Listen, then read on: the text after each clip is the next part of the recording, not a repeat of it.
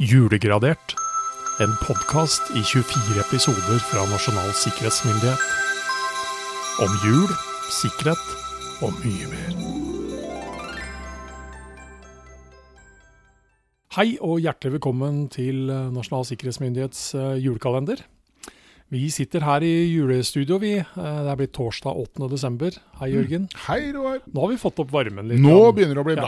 bra. Liksom, vi har liksom etablert en sånn grunnvarme i, i studio. Nå er det grunnrunk. Ja, Nå er det varmt i vegga. Yep. Nå sitter det. Ja. Ja.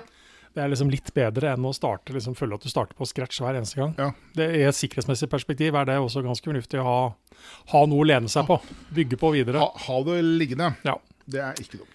Men du er som alltid vel ganske ivrig etter å åpne den luka di, du. Ja, jeg føler at det er noe Jeg får skal liksom aldri lov til å åpne. Ja, Nei, men det, det er det er noe med tradisjoner. Ja, det er ok. Det dette har vi snakket om mange ganger. Ja, vi har det. Um, skal vi se. Uh, juleluken nummer åtte. Tre, tre. Deaktiver unødvendig funksjonalitet, står det her. Ja. Og det, igjen, det er jo ikke Det er ikke dumt i en digital IKT-kontekst. Nå setter jeg liksom kakesmuler fra i går i halsen. Har du I all fredens land. Jeg, vet du jeg skal bare skylle med en litt kaffe et lite øyeblikk. Det var god ord. Oh, det var de her Goro-platene. Fra i går. ja. Det lå igjen en stabel her. Ja, ikke sant? Eh, Fristelsen ble for Det er godt. Men i hvert fall, eh, dette med det, funksjonalitet eh, Ikke hva skal jeg si, bruke mer enn det du eh, strengt tatt trenger eh, i hverdagen. Og jeg føler vel at vi her er i nok en gang tilbake til et eh, fenomen som julen nok da forbryter seg mot. Det er vel nok å si juletre, så tenker jeg at vi har funksjonalitet som strengt tatt er unødvendig. Den oppleves i hvert fall som unødvendig i ja, 50 andre uker i året, da. Det er jo ingen som har juletrær. Jo, men da kan du si at da gjør man det nettopp det. Da Da har man funksjonaliteten når man trenger den. Og Ja. utover det så har man ikke juletre stående. tenkt. Det er godt tenkt. Så det er jo egentlig ikke det motsatte. Det Nei, det er jo helt akkurat. riktig, det. Ja. Så, Jeg tenkte det- feil, jeg ja, nå. Men eh, ja, det er, fullt, det er lov, det òg. Man tenker feil noen ganger. Jeg tenkte også litt sånn at uh, deaktiver unødvendig funksjonalitet eh, Det er sånn Hvis huset mitt er åpent for alle venner og familie til enhver tid hele døgnet ellers i året, så er kanskje ikke liksom noen av juledagene akkurat det samme. Nei. Setter veldig første. pris på hvis du sier ifra at det kommer, liksom. Kommer brasende inn. Ja. Det Sant, tenker jeg er sånn Ja, det er ja. sant. det. Så ja, men i hvert fall, altså, hvis du ikke trenger det, så må vi ha det. Altså, ja. Vi er ikke flinke nok til å tenke på det sånn ellers i Nei, jeg tror ikke det. Jeg tror ikke, jeg, nei, jeg tror ikke det. Nei. Men si, jul, som sagt, juletre, bruk det når du må, og så lar vi det være ellers. Så kan Men- vi alltid diskutere når man må. Jeg har litt forskjellig her jeg nå eh, på julegavetips. da. Ok? Fordi hvor hvor, eh, hvor glad, Jørgen, hadde du blitt hvis jeg sa at Jørgen, nå har jeg en god, god fin julegave til deg. Du har akkurat vunnet anbudet på leveranse av 240 tonns armeringsjern til norske statsbaner. Du hadde ikke følt det som Nei, en sånn nei, positiv nei gave? jeg, jeg hadde tenkt at nå må jeg ut og smi. Ja. Um, nei, kan Kunne man ha takket nei? Ja, jeg tror det, altså. Ja. Ja. Men det er iallfall noe det averterer etter her, så var det mulig å legge inn et anbud på, på å levere 240 tonn med armeringsjern da, til ja, norske jernverner. Um, det er også mulig å legge inn et anbud på elektriske heiser. Ja. Og det syns jeg sjøl er liksom OK. Ja, man hadde jo både elektrisitet og man hadde heiser. ja. Så um, her skulle man da ha heiser til det nye jernbanetollstedet i Kristiania. Ja. Så her var det bare mulig å slå til da, på det. Gamle Østbanen et Ja. annet sted. Da. Men, men nå, da, hvis jeg virkelig hadde vil liksom vilt deg litt bedre til jul, Ja. så kunne jeg da ha sendt deg en postpakke til jul. Det er Ja, jo det noe generelt. Ja, Men der innholdet her er det noe jeg trenger. Ja, hvis jeg da sier at OK, jeg kan sende deg en postpakke eh, med vilt og rent kjøtt. Jeg kan sende deg en pakke med fem kilo, det er da syv ryper. Eh, to par årfugl, jeg vet ikke hva, helt hva det er. Du kan få en pakke med to røy. Du kan få en pakke med én tiur.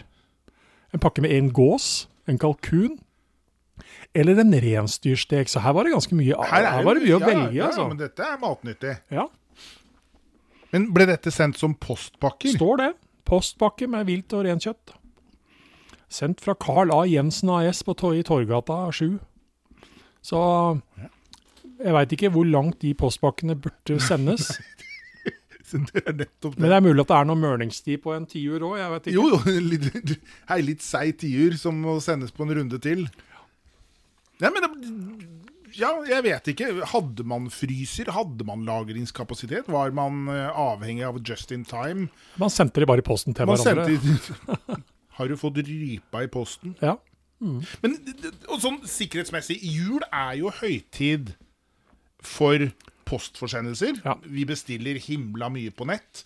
Eh, og høytid for postforsendelser blir jo for så vidt også da høytid for Julesvindel, svindel, ja. julesvindel. Og jeg så jo Det er ikke mange dager siden jeg så at Posten nok en gang da går ut og advarer mot at eh, Vit hva du har på gang, vit hva du forventer, og Ja. hvor og når og hvordan. Venter du en pakke med syv ryper, ja, ikke sant?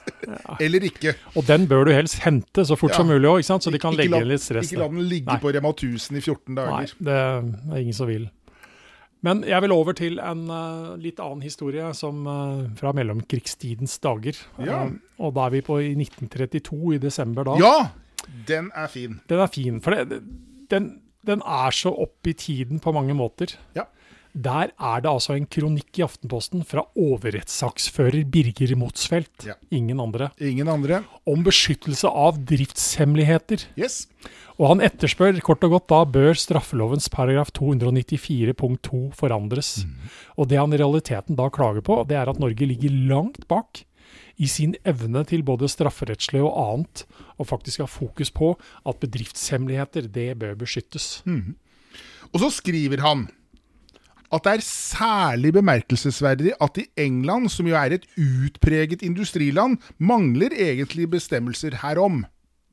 Men et agarland som Danmark, altså da et bondeland, har funnet og burde utstrekke den strafferettslige beskyttelse i inntil tre år etter tjenesteoppholdets opphør. Så de, sant, de var kine på å holde på Ja, og etter sine tjenesteoppholds opphør så gikk det også på at eh, hadde man fått vite noe i form av sin jobb, så ja. kunne man ikke bare fly og preike om det. Nei, nei, nei. til uh, neste oppdragsgiver. Det var vel karantenebestemmelser og taushetsplikt. Det er jo Ja. ting vi kanskje kjenner oss igjen i. Men om da den engelske uh, industrialiserte verden ikke hadde gode nok bestemmelser for dette, så hadde i hvert fall en kake som jeg skal by på nå, Jørgen. Ok. Den har jeg brukt lang tid på. For i dag så er det ingen boks, den er rett og slett bare pakka pent inn. Så hvis jeg nå åpner Bare viser deg fram her nå. Og Ser du hva det er? Alfred. Ho, ho. Dette er voksensaker! Dette er voksensaker. Dette er godsakene sine. Dette er engelsk fruktkake, Jørgen. Å, himmelen. Og Skal du ut og kjøre etterpå? Nei. I hvert fall ikke nå. Jeg blir Ja. Dette er en bombe av en voksenkake, Oi. stappfull av julens tørkede frukter, som det så fint heter. Og fruktkake det er en stor tradisjon i England. Og i dag så er denne kaka rett og slett bare et must ved store anledninger, og selvsagt til jul, i hvert fall der. Den er enkel å lage, men må lages i god tid, så jeg har vært langt ute i november når jeg lagde denne her sånn. Og det er faktisk fint som en spiselig julegave. Um, men det morsomme er da, som alltid, den er jo ikke britisk i utgangspunktet. For egentlig så har denne sin bakgrunn i en slags energibar, laget av Ah, romerne for å opprettholde ja, sine soldater ja, i kamp. Og den romerske fruktkaka den var en mos av bygg, honning, vin og tørket frukt.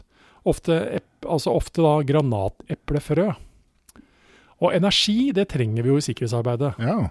Noen vil hevde at man trenger alkohol også, Jo, men det er noe så. Det, ja, det er Eh, men det er ingenting vi oppfordrer til. Men bare for å si det, da, en digresjon i alt dette her, så kom det nylig ut en større rapport fra USA om stress og psykisk press hos sikkerhetssjefer. eh, Som også opplever å leve med et såpass eh, hardt profesjonelt press rundt jobbene sine og ansvaret som følger med.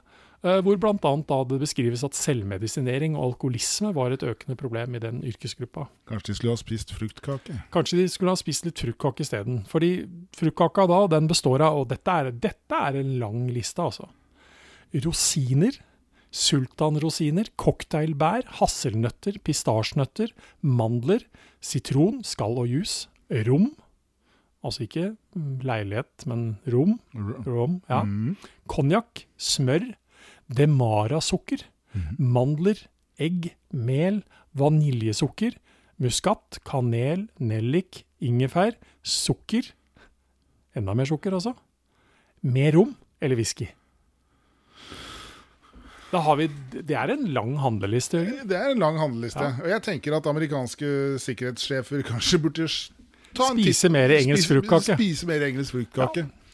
Men såpass press kjenner vel ikke vi på oss at vi spiser helt. engelsk fullkake av den årsaken. Nei, ikke av den årsaken. Vi må prøve dette her. Det Men jeg tror ikke vi skal realiteten ha podkastsending etter vi har spist engelsk fullkake. Nei, da skal det gå litt tid. Vi, vi Jeg lurer på om vi kommer tilbake i morgen. jeg. Jeg tror vi gjør det i morgen, ja. Men nå er det kake. Det er det. Yes. Hei. Dette blir fint. Hei.